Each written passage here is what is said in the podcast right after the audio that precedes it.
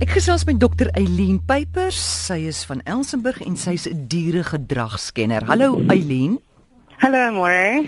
Ek skom skop sommer af met die eerste vraag. Dit kom van Wilna. Sy sê sy twee katte Hulle ervaar soveel angs wanneer die tuindienste arriveer. Hulle is so 4 en 5 jaar oud toe hulle baie klein was, het hulle onder die tafel op 'n stoel gaan lê. Deesdae kruip die een agter die yskas weg en die ander een lyk my uh, tussen die tafel en die tafeldoek. Sy het al kalmeermiddels probeer, maar haar tydsberekening was 'n bietjie uit en dan wil sy ook weet, hoe kan sy die stres verlig van haar katte as sy hulle na die veearts toe vat? Kan ek ons met die tweede deel van die vraag begin? Ja.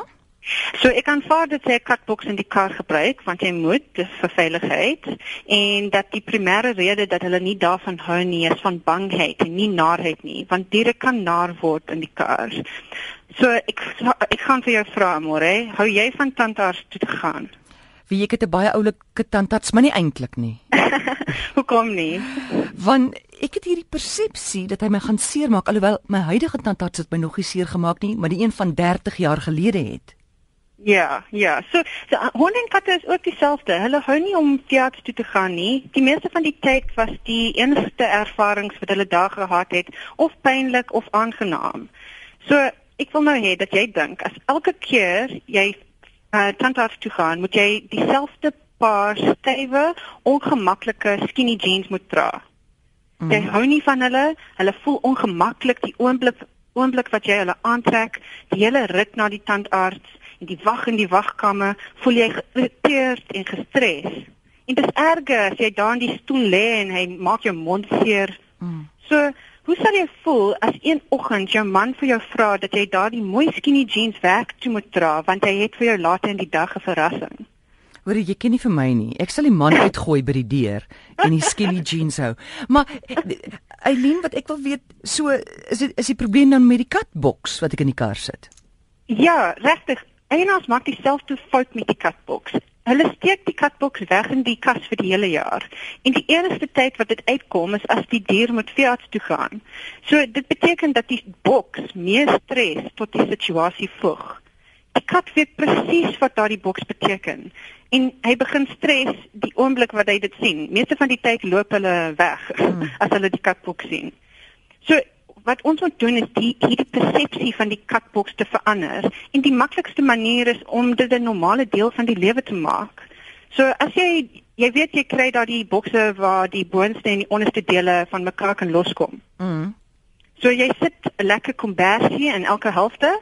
Jy sit dit in 'n plek in jou huis waar jou kat hou van tyd om tyd te spandeer en hulle sal dink, "Oeg, dis 'n mooi lekker nuwe bed" en hulle gaan daar lê en slaap. En as jy dan op 'n sekere dag fiets toe moet ry, sit jy net die boonste deel weer op. En jy is hmm. reg om te gaan met 'n kat wat kalm en rustig is.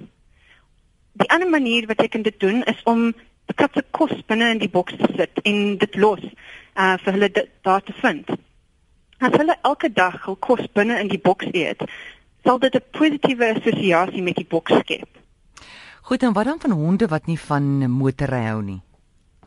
Jy kan dieselfde konsep oordra. So jy vat jou hond, jy sit hom in die kar, jy gee een of twee van lekker peselhappies wat, wat die hond wat wat die hond daarvan hou en jy klim weer uit.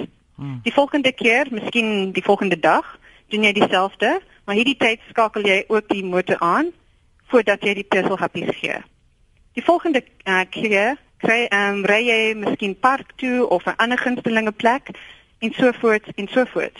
So wat jy probeer om te doen is die hond te leer dat elke karret nie by die veearts of hondesalon eindig nie. So jy maak 'n nuwe assosiasie met die met die kar. Goed, nou wat moet sy doen om teen die tuindienste en die arme katte wat so bang raak?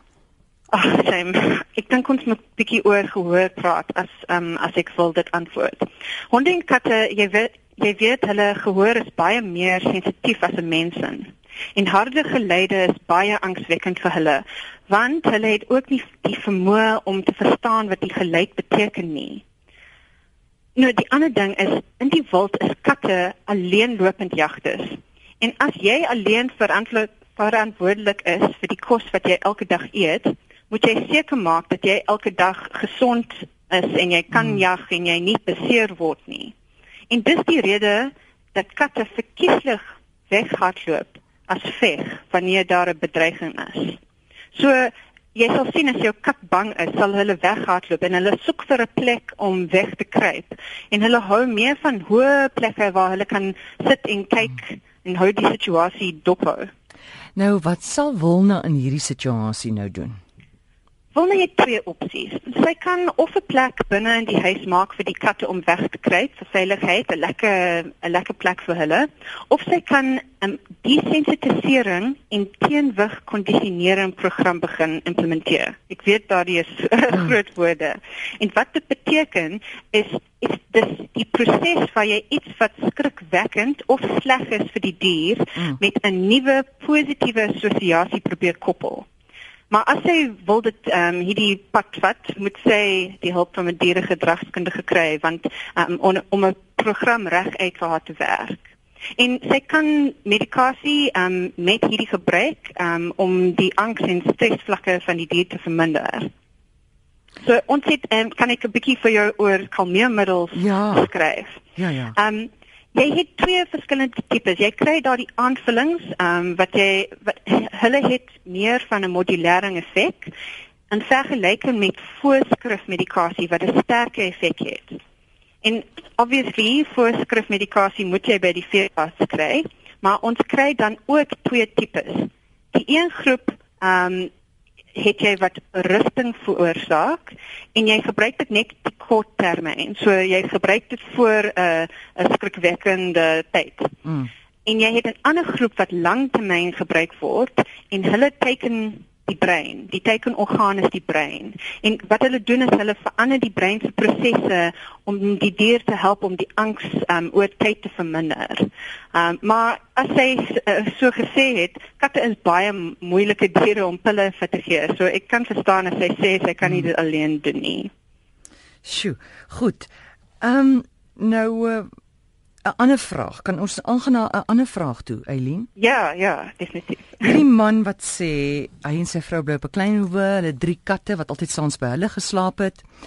Eind verlede jaar inbraak by hulle plek in die nag, boewe deur die kombuisvenster geklim, hmm? so toegang tot die huis gekry, 'n paar goed gesteel. Hulle is aangehou. Nou sedert 10 slaap een van die drie katte nou buite die kombuisvenster daar waar lyk like my hulle ingekom het die ander een in die kombuis en die derde kat by die deur van hulle slaapkamer. Hy sê dis ongelooflik en hy wil by jou weet, kan dit wees dat die katte hulle nou beskerm?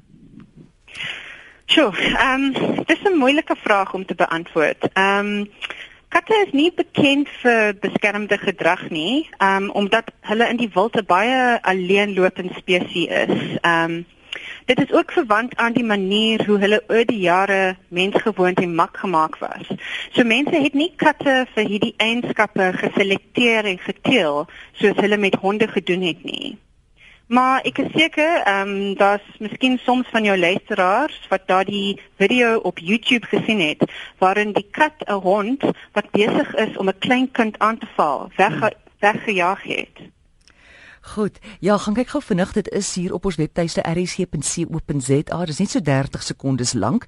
Jy klik op fotos en video's en daarna weer dan op video's en dan kan jy sien hoe die kind eh, die die of die kat die kind red, kind ry op 'n fiets heel onskuldig. Hond kom gryp die kind van die fiets af en die kat gryp weer die hond, jy weet, en toe word die kind se lewe gered. Man maar Eileen Ja, dit dis baie ongelooflik. Uh, Ons ja. dieregedragkennis het lank daaroor gedebatteer mm. om om die rede vir hierdie kat se gedrag en ons het nog nie 'n antwoord gekry nie. Ek het self nie 'n kat nie, maar as ek katte so dop hou en die stories wat mense vertel van katte, dink ek hulle het ongelooflike deernis met mense. Mm, mm. En ons moenie dink omdat katte, kyk soos honde is mos altyd uh, honde is mos wonderlik, hulle wil altyd jou liefde hê, nê. Ja. Waar 'n kattemens moet mos werk vir 'n kat se liefde.